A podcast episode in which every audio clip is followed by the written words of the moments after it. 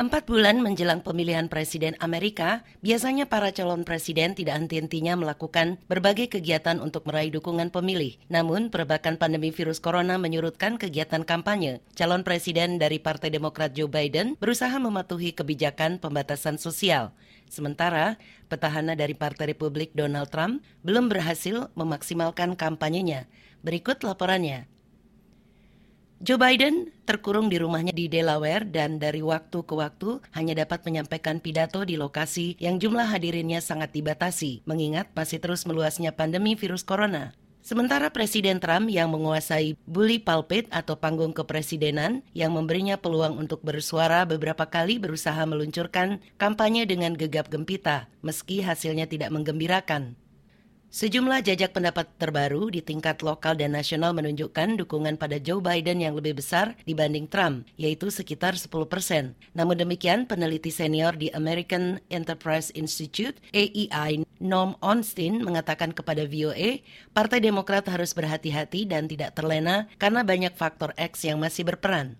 I think we have to be very cautious given what we saw in 2016. All the polls and most of the evidence suggested that Hillary Clinton would win, um, and they missed something. Saya kira harus sangat hati-hati mengingat apa yang terjadi pada 2016.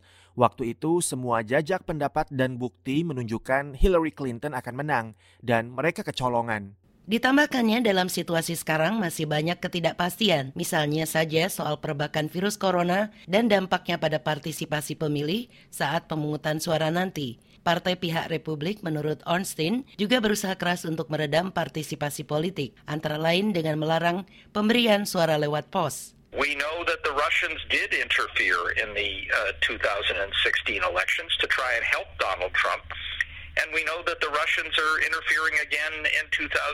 Kita tahu Rusia memang ikut campur tangan dalam pemilihan presiden 2016 dan berusaha membantu Donald Trump supaya menang. Dan kita tahu Rusia akan campur tangan lagi pada 2020.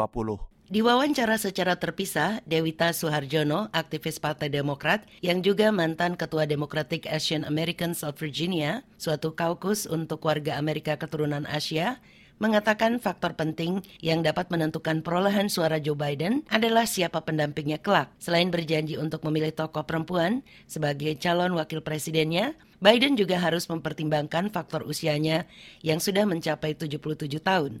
Tapi kan sekarang uh, kriteria dari pemilihan wakil presiden Biden adalah dia harus sudah siap untuk melaksanakan tugas sebagai presiden dari dari pertama hari pertama. Menurut Nom Onstein, warga Amerika umumnya belum memusatkan perhatian secara serius pada pemilihan presiden hingga berlangsungnya konvensi partai yang biasanya diselenggarakan pada awal musim gugur. Setelah konvensi, baru dimulai pertarungan sengit memperebutkan kursi orang nomor satu di Gedung Putih. Untuk Jimmy Manan, Madeoni, VOA.